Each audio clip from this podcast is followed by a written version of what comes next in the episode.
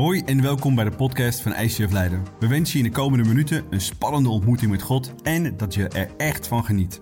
Hey yes, uh, we zitten aan het einde al bijna van deze fantastische serie. En wat, ik heb aan jou de vraag, wat heeft jou na de afgelopen weken echt uh, geïnspireerd?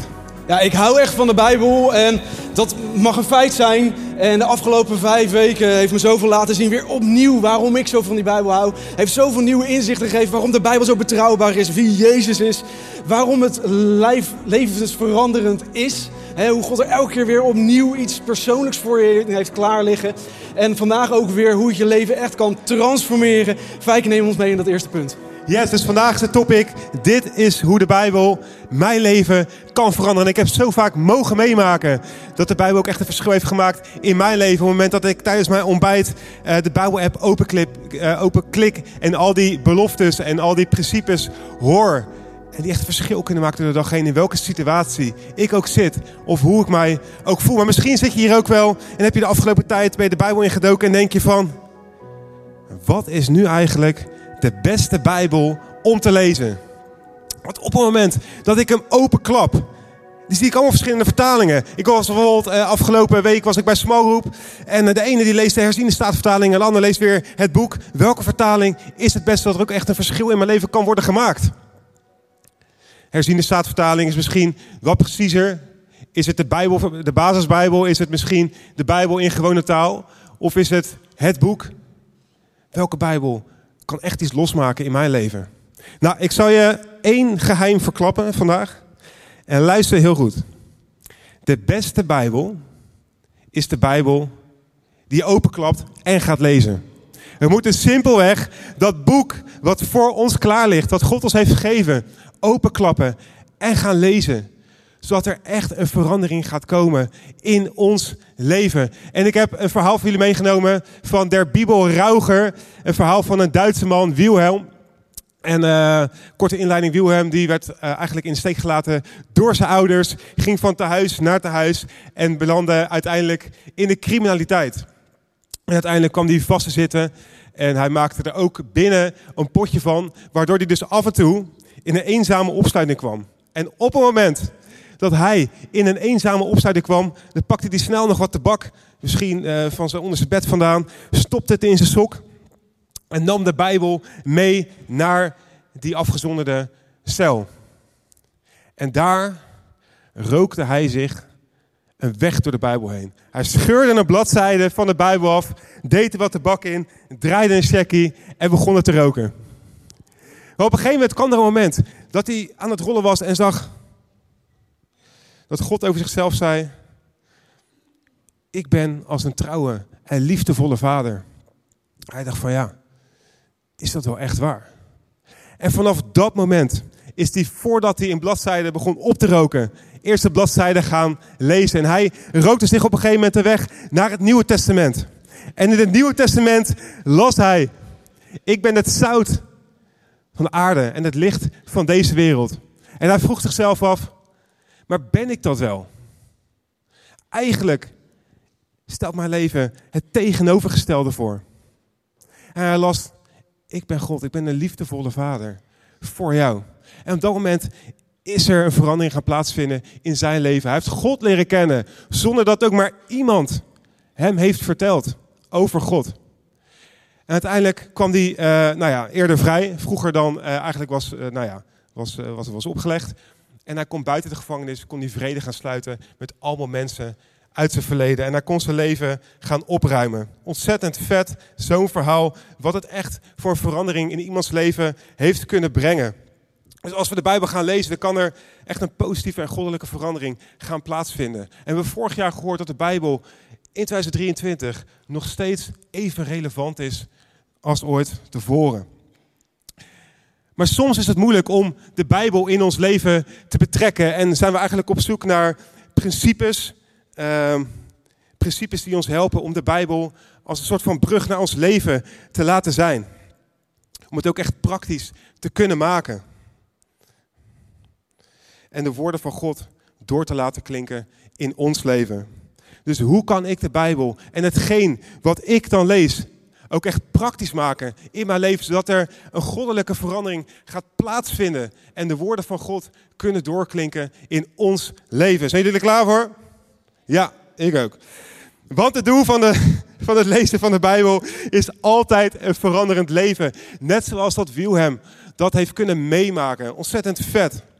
En het doel van het lezen van de Bijbel moet niet zijn dat we hem helemaal gaan ontleden, of dat we kritisch zijn, of dat we zelf maar dingen eraan toe gaan voegen. Nee, moet zijn, boem, een veranderend leven. En lees maar mee wat Paulus over de Bijbel vertelt in 2 Timotheus. Alles wat de schrift zegt, is door God geïnspireerd. En kan gebruikt worden om onderricht te geven. Om dwalingen en fouten te weerleggen. En om op te voeden tot een recht geschapen leven. Zodat een dienaar van God voor zijn taak berekend is en voor elk goed doel volledig is toegerust. Dus we lezen hier eigenlijk dat de Bijbel onderwijst. Het wijst terecht. Het helpt ons om op het juiste pad te komen. Heb ik wel eens nodig. Het traint ons om volgens Gods wil te leven. Ontzettend vet. Dus als we naar het vers kijken, dan gaat het allemaal over die verandering, over die transformatie. En ten eerste laat de Bijbel ons zijn waarheid zien, Gods waarheid zien. Zodat ons leven niet meer wordt gevormd door al die leugens, door social media, wat andere mensen over ons zeggen, door al die zelfhulpboeken. Nee, ons leven wordt gevormd door Gods waarheid. En het helpt ons om onze schuld te zien. En uiteindelijk helpt het ons ook om weer op het goede pad te komen. En om volgens Gods wil te gaan leven. Ontzettend vet. Dus als God, als zijn woord in ons leven komt, dan ontstaat er wat. Dan komt ons leven in verandering. En dan klinken de tonen van God. Als het ware.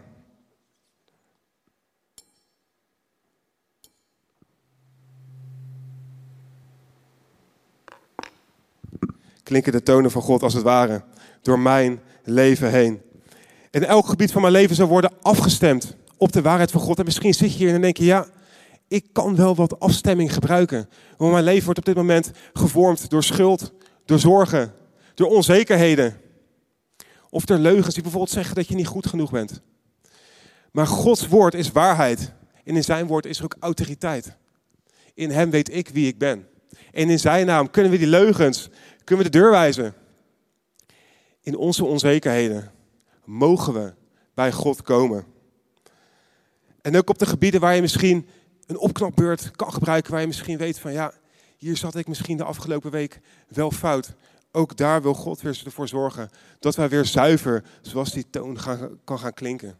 En afgelopen week had ik eh, een telefoongesprek, het was maandag. En tijdens dat telefoongesprek liepen bij mij, en ook bij die ander, maar ook bij mij, de, frustraties nogal hoog op. En het zat me gewoon niet lekker en ik wilde het erover hebben met collega's. Maar ik werd me er eigenlijk bewust van dat tijdens het erover hebben met collega's, ik eigenlijk niet zo opbouwend was naar die andere persoon. En naar dat bedrijf waar hij werkte. En het voelde niet goed. Het kostte me, uh, het kostte me frustratie. Het kostte me een hoop energie. En ik wist ook dat ik hier ook een schuld in had. En ik ben naar God gegaan. Ik heb het bij hem neergelegd. Ik heb hem om vergeving mogen vragen. Want in Jacobus 3 staat dat de mensen die zich altijd goed gedragen en vriendelijk zijn tegenover iedereen, wijs en verstandig zijn. En dat maakte dat ik anders in deze situatie wilde gaan staan. Ik wilde wijs en verstandig zijn, maar daarvoor had ik wel God nodig. En weet je wat het mooie is? Dat je op dat gebied weer zuiver kan gaan klinken. Naar je collega's toe, dat je er op een andere manier over kan gaan praten. En dat is ons doel, onze bestemming. Dat we die Bijbel oppakken. En ons bewust zijn van wat die Bijbel in ons leven kan gaan doen. En dat wij, als wij die Bijbel gaan lezen,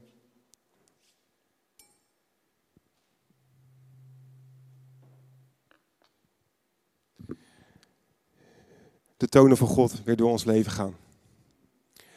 Mat, Tias, Ja. wat hebben we hier dan voor nodig? We gaan kijken naar principes, hoe we de Bijbel kunnen benaderen, zodat we echt die levensveranderende kracht in ons leven kunnen ervaren. En Fijke vroeg het net al, zijn jullie daar klaar voor? Toen ik een beetje, maar zijn jullie daar klaar voor? Yes. Nice. Dat is hoe we het graag willen horen. We gaan kijken naar die principes. En de eerste is: lees vol geloof en nederigheid. En vaak denken we bij nederigheid dat we een beetje. Oké, ik zal doen wat u zegt. Angst, bang. Maar dat is niet wat nederigheid is. Dat is wat valse nederigheid is. We hebben het over geloof en nederigheid. Dat we op die manier de Bijbel gaan benaderen. Want je kan de Bijbel openslaan en kritisch zijn over alles wat er staat. Ieder vers helemaal binnenste buiten trekken. Ieder woord omkeren en aan het einde van het, van het verhaal zeggen die Bijbel is niet meer relevant. Gelukkig hebben we de afgelopen vier topics gehoord dat de Bijbel relevant is en misschien wel relevanter dan ooit tevoren in deze wereld.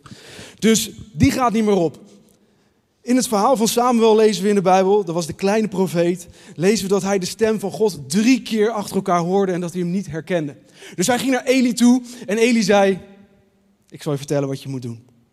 Hij stuurde hem terug naar zijn bed en hij zei: Als je die stem nog een keer hoort, luister dan naar God en wat hij tegen je zegt. En als hij je naam roept, antwoord dan heel eenvoudig met: Spreek Heer, want uw dienaar hoort. Spreek Heer, want uw dienaar hoort. Als je dit leest, is eigenlijk alles gezegd.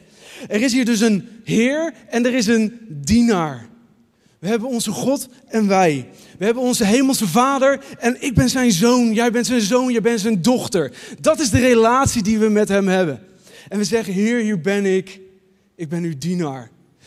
Vader, hier ben ik en voed me maar op. Wat, wat hebben we aan een vader als we ons niet willen laten opvoeden? Helemaal niks. Maar vader, hier ben ik en voed me maar op. En dat is hoe ik mijn Bijbel wil benaderen. Op het moment dat ik hem opensla, zeg ik, Heer, hier ben ik, ik ben uw dienaar. Vader, hier ben ik, voed me maar op en laat me zien wat u vandaag wil laten zien. Dus ik open die Bijbel, ik spreek het uit en ik zeg, Heilige Geest, laat me zien wat u vandaag door uw Bijbel heen wil laten zien. Want op het moment dat ik met mijn armen over elkaar mijn Bijbel opensla en denk, nou gaan we eens zien wat er vandaag gebeurt, zal er waarschijnlijk niet zo heel veel gaan gebeuren. Maar op het moment dat ik de Heilige Geest uitnodig, beloof God dat je dingen wil gaan laten zien die je zonder hem nooit had kunnen zien. Persoonlijke dingen, waarin jij stappen kan zetten samen met hem op het moment dat we met geloof die Bijbel openslaan. We lezen in de psalmen dat David dit, zegt. God, ik wil dat u alles van me weet. Kijk in mijn hart, onderzoek mijn gedachten. Zeg me als ik iets verkeerds doe en help me om weer te leven zoals u het wil. En ik geloof dat dit een leidraad is voor een gebed wat je kan bidden voordat je die Bijbel openslaat. Kom op God, ik kom met alles wat ik ben, onderzoek me maar en laat me in mijn Bijbel zien hoe ik die volgende stap samen met u kan gaan zetten. En als we op deze manier die Bijbel openslaan, dan gaan we niet alleen veranderend die Bijbel in, geloof ik ook dat we veranderend die Bijbel weer dichtslaan en ons leven ingaan. Samen met Hem. Het tweede, hoe we die levensveranderende kracht in ons leven kunnen ervaren, is door erover te praten. En als we naar de Joden kijken, hebben zij de Talmudscholen. En tot op de dag van vandaag zijn daar verhitte discussies onderling over Bijbelteksten. Ze komen bij elkaar en ze hebben discussies over verschillende manieren hoe je Bijbelteksten kan interpreteren. Maar nog meer hoe we dat vandaag de dag praktisch kunnen maken. Hoe kunnen we dat vandaag de dag nou voor elkaar krijgen? Deze methode heet de Pilpoe-methode. En komt van pilpel en dat komt weer van peper. En ik geloof niet dat het hier gaat om zo'n goed, goedkoop rood supermarktpepertje, maar dat het hier gaat om een Madame Jeanette of een Carolina Reaper. Echt pittige peper, pittige gesprekken. Ze komen bij elkaar toe en zeggen, moet je nou luisteren wat ik hier lees? Vertel me dan wat jij hier leest, hoe we dit praktisch kunnen maken, hoe we daarmee het verschil kunnen maken in deze tijd. Dat zijn de gesprekken die ze met elkaar hebben als ze de Bijbel induiken. Praat erover. Hou het niet alleen voor jou, maar maak het iets van met elkaar. Hoe we echt met elkaar dat verschil kunnen maken. En ik wens een cultuur met mijn vrienden, met onze kerk, in mijn small group. Als ik naar een tekst kijk en ik loop ergens tegenaan en ik begrijp het niet, dat ik niet zeg, nou ik begrijp het niet. Dus ik geef mijn Bijbel een gooi.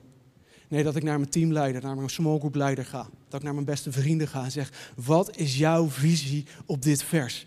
Wat denk jij dat hiermee bedoeld wordt? Als ik grote beslissingen in mijn leven heb, dat ik het eerste wat ik doe is kijken wat zegt de Bijbel over deze beslissing. En als ik er dan nog niet uitkom, dan ga ik naar mijn vrienden toe en zeg wat is jullie Bijbels perspectief op deze beslissing? En dan pas ga ik de beslissingen maken in mijn leven. Omdat ik geloof dat ik een God heb die leven in overvloed geeft over alle beslissingen die ik wil maken op het moment dat ik hem erbij betrek.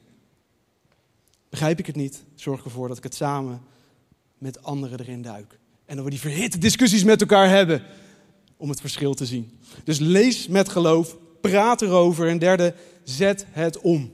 Oh. Maar nu moeten we wat gaan doen. Ja, zet het om, dan wordt het praktisch.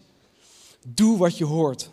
Jacobus zegt dit in de Bijbel. Vergis u niet, alleen horen is niet genoeg. U moet wat u gehoord hebt ook doen. Want wie de boodschap hoort, maar er niets mee doet, is als iemand die het gezicht waarmee hij is geboren in de spiegel bekijkt. Hij ziet zichzelf, maar zodra hij wegloopt is hij weer vergeten hoe hij eruit zag. Nou, dit is een beetje hoe het er bij mij aan toe gaat vanaf dat ik 30 ben. Ik kijk in de spiegel, doe snel mijn ogen weer dicht en dat was het voor deze dag. Ik weet niet of er nog meer dertigers zitten die dat herkennen. Dat is wat hier gebeurt.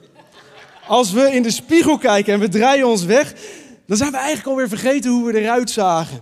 En zo is het vaak ook met de Bijbel, dat het een spiegel is die God ons voor wil houden. Niet om te zeggen, zoals ik heb vanaf het moment dat ik 30 ben, ah, die rimpels jongen en steeds meer grijze haren. Nee, het is een spiegel die me wil laten zien, wauw, één, je bent prachtig, want ik heb je gemaakt.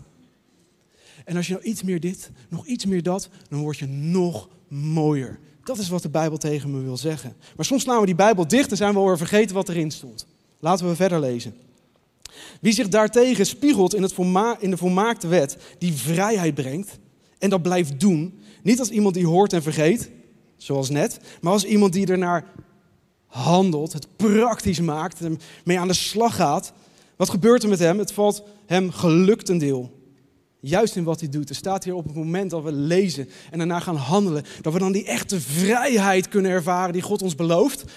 En dat we daarna ook het succes zullen ervaren in ons leven. Als we doen wat God van ons vraagt. Want dat is waar hij voor ons voor heeft gemaakt. Nergens anders voor. Dus geloof, praat erover, zet het om. En als laatste, maak van Bijbellezen een gewoonte. Maak er een gewoonte van. Iets wat je met regelmaat doet. Dat begint met discipline en uiteindelijk slijpt het erin. En is het een gewoonte om die Bijbel op te pakken. En erin te lezen. Niet pas als de when shit hits the fan, maar daarvoor zodat je weet wat te doen when shit hits the fan. Dat je je regenpak al aan hebt. Laten we kijken naar een geweldig onderzoek van het CBE. Die hebben ruim 40.000 mensen ondervraagd om te kijken wat het verschil als je regelmatig je Bijbel leest. En ze zagen als je één keer per week met je Bijbel bezig bent je Bijbel openslaat dan weer dicht, dan gebeurt er eigenlijk niks. Doe je hem twee keer per week open, dus je leest een keer Bijbel en je komt hier op zondag naar de celebrations, twee keer. Maak het makkelijk voor je, want je bent hier op zondag, hoef je alleen nog maar één keer Bijbel te lezen. Maar er gebeurt er nog steeds erg weinig. Doe je drie keer per week, je laat je Bijbel open, je komt naar de celebration, je gaat naar een small group waar je met de Bijbel bezig bent. Dan zien we al een kleine verandering in mensenlevens. Maar op het moment dat mensen vier keer per week met de Bijbel actief bezig zijn, dan zien we op een geest een gigantische spijk de lucht inschieten over wat voor verschil dat maakt in mensenlevens. Dat er 61% minder pornografie is, 60% mensen minder geestelijk vastzitten, 57% minder alcoholisme en lees maar door. Maar tegelijkertijd dat we dubbel zoveel ons geloof willen delen met anderen. Omdat het zo'n groot verschil voor mij heeft gedaan. Omdat ik weet wat Jezus voor mij heeft gedaan. En dat hij dat niet alleen voor mij heeft, maar voor iedereen klaar heeft liggen. Dat we anderen willen helpen. En willen helpen groeien, volgende stappen te zetten. Op het moment dat we vier keer per week die Bijbel induiken, heeft het zo'n groot effect op ons leven. Als je de Bijbel steeds opnieuw leest, zal je uiteindelijk afgestemd raken op die toon van God. Op die toon die hij al lang in jou en mij gestopt heeft. En zorgt ervoor dat die klank ook echt kan gaan klinken, kan gaan resoneren. Dat we op diezelfde frequentie komen te zitten als God. Mozes zei tegen Jozua, Jozua was zijn trainee, die nam het stokje van hem over uiteindelijk. Dus hij moest hem goed voorbereiden. En wat was zijn voorbereiding? Dat lezen we hier. Leg dat wetboek geen moment terzijde. Verdiep je er S ochtends in en dan niet meer? Alleen met je stille tijd en dan niet meer? Nee, dag en nacht verdiep je er dag en nacht in. Omdat je aan alles houdt wat erin geschreven staat. Want dan zal alles wat je onderneemt voorspoedig verlopen, opnieuw. Op het moment dat we het niet alleen lezen, maar het echt toepassen. Dan zal ook wat je onderneemt voorspoedig verlopen op het moment dat we gaan doen wat God van ons vraagt. Dus voel je die belofte die hierin zit? Wat God ons hier belooft? Wat voor een leven die hiervoor heeft klaar liggen als we dit lezen? Dat op het moment dat we naar hem toe komen en op diezelfde klank komen te zitten. Wat voor een verschil dat in je leven kan gaan maken. En hoe meer je dus die Bijbel leest, hoe meer je erover nadenkt, hoe zuiverder die klank wordt, hoe, hoe harder die klank wordt, hoe meer die te horen is om je heen. Niet alleen in jouw leven, maar ook om je heen. En we willen je vandaag vier hele praktische tools geven. Kijken hoe je dit in je leven, in je dagelijks leven kan toepassen. Neem ons mee in de eerste stap. Yes. Ja, de eerste is, lees de Bijbel planmatig. En uh, nou, wat Matthias zei, wat mij in ieder geval helpt, is dat ik al, uh, uh, dat je er een gewoonte van moet maken. Voor mij is het gelukt uiteindelijk om tijdens het ontbijt, als ik wakker word, de Bijbel open te klikken en hem ook echt te gaan lezen. En vaak ga ik naar de YouVersion app en daar heb je heel veel leesplannen staan. En ik kies ik er eentje uit, vet om met je smak op te doen. Of misschien met je partner, daag elkaar daarin uit. Uh, maar wat mij vooral helpt, is dat ik de Heilige Geest ook echt uitnodig en vraag: welk plan kan ik gaan lezen? En op dit moment lees ik geen plan, maar lees ik een boek, Richteren. Nou, ik weet niet of jullie Richteren was hebben gelezen. Heftig boek, heftig om dat tijdens je ontbijt te lezen. En vooraf dacht ik, maar waarom ga ik dan toch Richteren lezen? Maar het was de Heilige Geest die mij het gevoel gaf om Richteren te gaan lezen. Om echt te lezen over uh, wat er gebeurt als wij het weer op onze eigen manier willen doen. Als we God maar weer aan de kant schuiven. Nou, je hoeft de televisie maar aan te zetten en je ziet het. En zo kan het ook zijn in ons leven. Misschien heb je wel een gebied waarop je hebt gezegd: Oké, God, ik doe het hier liever op mijn eigen manier. En je onrust ervaart en geen vrede meer. Maar ik lees daar ook over een God die trouw is. En als wij naar hem toe komen en wij zeggen: God, niet meer op onze manier, maar op uw manier, dat hij bereid is om ons te verlossen. Het is een heftig woord, maar onze God wil ons verloffen, verlossen op welk gebied we ook zitten. Maar start een plan met de Heilige Geest, wat Matthias net ook al zei. En de tweede manier is systematisch lezen. En dat kan, kan aan de hand van de, uh, de handmethode met de vingers. Uh, uh, de duim staat voor wat vind ik leuk aan deze tekst. En de wijsvinger staat voor wat, waar verwijst God naar in de passage die je leest. De middelvinger is wat stinkt er nou eigenlijk aan deze tekst? Wat vind ik nou niet zo heel erg chill klinken of heel erg fijn klinken? Welke belofte heeft God dan wel voor mij in die tekst liggen? En wat mis ik nou eigenlijk? Nou, we gaan er even snel doorheen. Aan de hand van die vingermethode. En ik heb voor jullie een passage meegenomen uit Johannes 8, vers 7. Uh, het is een passage waarin uh, er een vrouw door de fariseeën bij Jezus wordt gebracht. En ze wordt beschuldigd van overspel. En die fariseeën komen met die vrouw bij Jezus. Maar ze wilden Jezus eigenlijk ook te val gaan brengen. En ik vroeg mezelf af, maar wat vind ik nu eigenlijk leuk aan deze tekst, de duim? Nou, dat lees ik in Johannes 8, vers 7. En toen bleven ze aandringen. Hij richtte zich op en zei: Wie van jullie zonder zonde is, laat die als eerste een steen naar haar werpen. Wauw. En toen had hij ze. En ik dacht bij mezelf ook van ja, ben ik eigenlijk zonder zonde? Nee, ik ben ook niet zonder zonde. En die fariseeën wisten dat ook. Dus Jezus had ze eigenlijk klem gezet. En ik vroeg me af, maar God, wat wilt u dan tegen mij zeggen door deze passage heen? En hij bukte zich weer en schreef op de grond. En toen ze dat hoorden wat hij zei, gingen ze weg. Eén voor één, de oudste het eerst. En ze lieten hem alleen met de vrouw die in het midden stond. En Jezus richtte zich op en vroeg haar, maar waar zijn ze? Heeft niemand u dan veroordeeld? Niemand, Heer, zei ze. Ik veroordeel u ook niet, zei Jezus. Ga naar huis en zondig vanaf nu niet meer. Dus iedereen was weggelopen. En de leiders als eerste. Want ze wisten dat Jezus gelijk had. En toen vroeg ik mezelf af, maar wie was daar wel zonder zonde? Wie stond daar nog steeds bij die vrouw? Wie had haar kunnen oordelen, maar deed dat niet? Ja, dat was Jezus. Maar hij oordeelde haar niet. Hij vergaf haar. En dan moest ik denken aan die situatie van de week toen ik dat telefoongesprek had. En ik die frustratie zo opliep. En ik niet zo opbouwend had verteld. En ik zag mezelf voor me dat uh, Jezus voor me stond. En ik me eigenlijk niet zo fijn voelde. En misschien ook iemand anders mee pijn had gedaan. Maar Jezus voor mij stond, liefdevolle knuffel gaf en zei, ik vergeef je. Ga weg en zondig niet meer. Wauw, die genade van God. En dat is een belofte van Hem voor jou en voor mij. Laten we die aannemen. En zo heeft de Bijbel tot mij gesproken door planmatig te lezen, maar ook door systematisch te lezen. En Matthias, hoe kunnen we dan mediterend lezen? Ja, mediterend lezen. Misschien denk je bij mediterend lezen, dat klinkt allemaal wel een beetje veroosterd. Dalai Lama, namaste, kruidenthee, uh, dat soort dingen. Maar mediterend lezen, als we daarin duiken, gaat het eigenlijk om niks anders dan opnieuw lezen, herlezen, herkauwen. Een koe die herkauwt, ja? Die eet 50 tot 70 kilo voedsel per dag.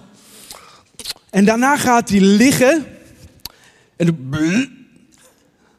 uit een van zijn vier magen haalt hij het weer terug naar boven en begint toen te herkauwen. Hij gaat hij weer herkauwen en hij koudt er opnieuw op en opnieuw op. Om al die voedingsstoffen uit dat eten te halen. Om ervoor te zorgen dat hij alles eruit haalt. Zodat hij die 50 tot 60 liter melk per dag kan produceren. Weet je wat ik zo fantastisch aan de koe vind? Hij produceert die melk niet voor zichzelf. Ik geloof dat we een God hebben die ons continu allemaal input geeft. Wat we tot ons kunnen nemen, waarop we kunnen kouwen en herkauwen om het beter te begrijpen en het beter te begrijpen. Om, hij wil ons input geven zodat we een fantastische output hebben. Die misschien niet eens voor jou persoonlijk bedoeld is, maar voor de mensen om je heen. Het is herkauwen op een tekst. Herkauwen opnieuw en opnieuw. Neem een passage uit een, uit, uit een message. Neem een, een, een tekst die je in je small met elkaar hoort. Waarvan je denkt, ja, maar dit spreekt op me. Lees hem door. Denk er morgen aan als je boodschappen doet. Denk eraan als je op school zit. Denk eraan als je op werk zit. En bedenk je, wat wil God me zeggen in deze situatie? Want ik geloof dat hij jou wat wil zeggen door die tekst heen. En herkauw het, mediteer het en zorg ervoor dat we meer en meer zijn Bijbel leren begrijpen. De volgende is, de volgende is onderzoekend lezen.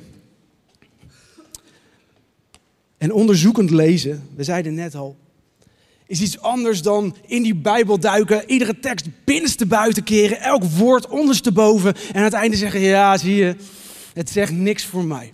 Onderzoekend lezen is door te starten met die Bijbel en te zeggen, oké Heilige Geest, wat wilt u vandaag laten zien door die Bijbel heen?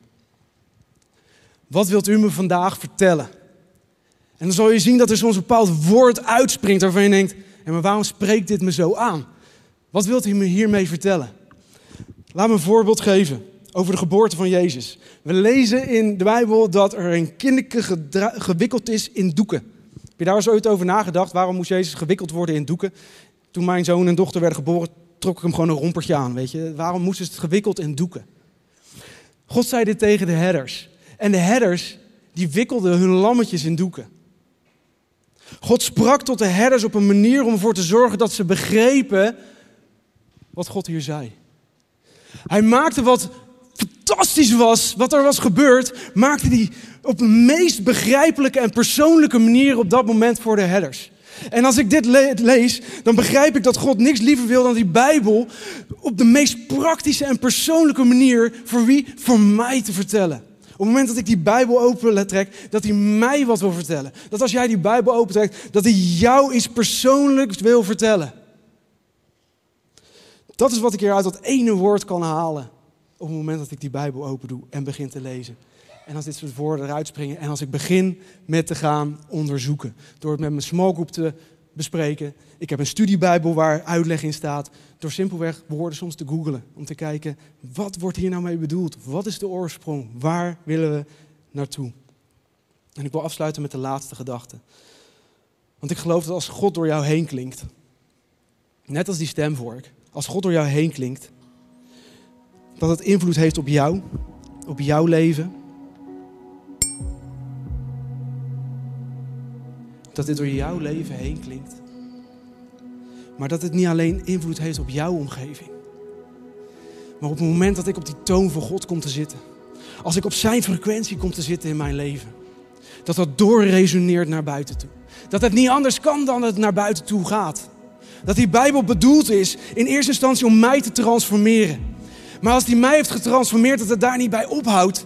Maar dat het naar buiten toe. Dat het andere begint te veranderen. Dat het andere begint te transformeren. Dat die toon niet alleen hier klinkt. Maar dat het ook naar buiten toe klinkt. Dat het ook anderen transformeert diezelfde trilling overgenomen wordt door anderen. Op het moment dat ik op Gods toon zit. Als ik zeg, God, neem het maar over. Mijn denken, mijn doen, mijn, keuzes in mijn financiën, in mijn gezondheid, in mijn relaties, in mijn gezin. Ik wil het op uw manier doen. Op het moment dat ik dat doe en zijn toon door laat klinken, dan kan het niet anders dat het effect heeft op mij en mijn gezin. Dat het effect heeft op mij en mijn collega's. Dat het een effect heeft op mij en mijn vrienden. En dat ze vroeg of laat zeggen, hoe komt het dat jij de dingen doet zoals jij het doet? Hoe komt het dat jij die succes in je leven ervaart? Hoe komt het dat jij die rust in de grootste stormen en chaos in je leven hebt? Hoe komt dat? Dat komt omdat Jezus, zijn toon in mij klinkt en niemand anders. En het resoneert door naar de mensen om me heen, want het is het meest aantrekkelijke wat er is. En misschien zullen je vrienden nooit een Bijbel lezen. Jij bent die Bijbel die anderen zullen lezen. Jij bent die levende getuigenis voor wat God in jouw leven aan het doen is. Jij bent hun levende Bijbel. Dus laten we meer en meer die afgelopen vijf topics toe-eigenen. Zijn Bijbel begrijpen en die toon van God door ons heen laten klinken. Zodat het resoneert naar buiten toe. En niemand er meer omheen kan. Stel je voor wat er gebeurt op het moment dat we allemaal die persoonlijke ontmoeting met God hebben. Stel je voor als al mijn vrienden die persoonlijke ontmoeting met God hebben. Als die toon in deze wereld gaat klinken. Een wereld waar een valse toon in klinkt. Een toon van oorlog, een toon van crisis, een toon van pijn, een toon van verdriet. En daar is die toon van God die totaal anders klinkt. Op het moment dat we die aannemen, kunnen mensen daar niet meer omheen. Want hij klinkt anders. Hij klinkt beter. En hij mag luider klinken dan ooit tevoren. Want we hebben die als wereld meer nodig dan ooit tevoren. Wat zou er gebeuren als ik dat ga doen? Wat zou er gebeuren als wij dat als kerk gaan doen? Wat voor een effect gaat dat hebben in jouw small group? Wat voor een effect gaat dat hebben hier in Leiden? Wat voor een effect gaat het hebben bij IJsje Rotterdam? Wat voor een effect gaat het hebben in de hele omgeving, in Nederland? Wat gaat er gebeuren als we dat als christenen wereldwijd gaan doen? Dan is er een wereldwijde revolutie. Waar Jezus overwinnaar is. En ik geloof dat Jezus overwinnaar is, want Hij is overwinnaar in mijn leven. Hij heeft mijn leven op zijn kop gezet op het moment dat ik zei: Jezus, hier ben ik. En ik geef mijn hele leven aan u. En leer het me maar. Leer me maar meer en meer naar uw toon te klinken. En ik wil beter begrijpen dan ooit. Ik wil uw Bijbel binnenste buiten keren. Want ik wil die heftige relatie met u hebben. En wij mogen deze toon van geloven in ons leven zetten. En niet alleen in de onze, in onze hele omgeving. Zullen we daarvoor gaan staan, daarvoor gaan bidden. Dat we met elkaar dat verschil gaan maken. Vader, ik wil u danken voor de afgelopen topics. Ik wil u danken voor deze geweldige serie. En ik wil u danken voor uw Bijbel. En dat we de afgelopen weken meer en meer en meer hebben geleerd hoe relevant uw Bijbel is. Dat het niet zomaar bij elkaar gebonden papier is, maar dat het boeken zijn die continu over uw liefde spreken, Jezus. Die continu laten zien wat u in ons leven wil betekenen.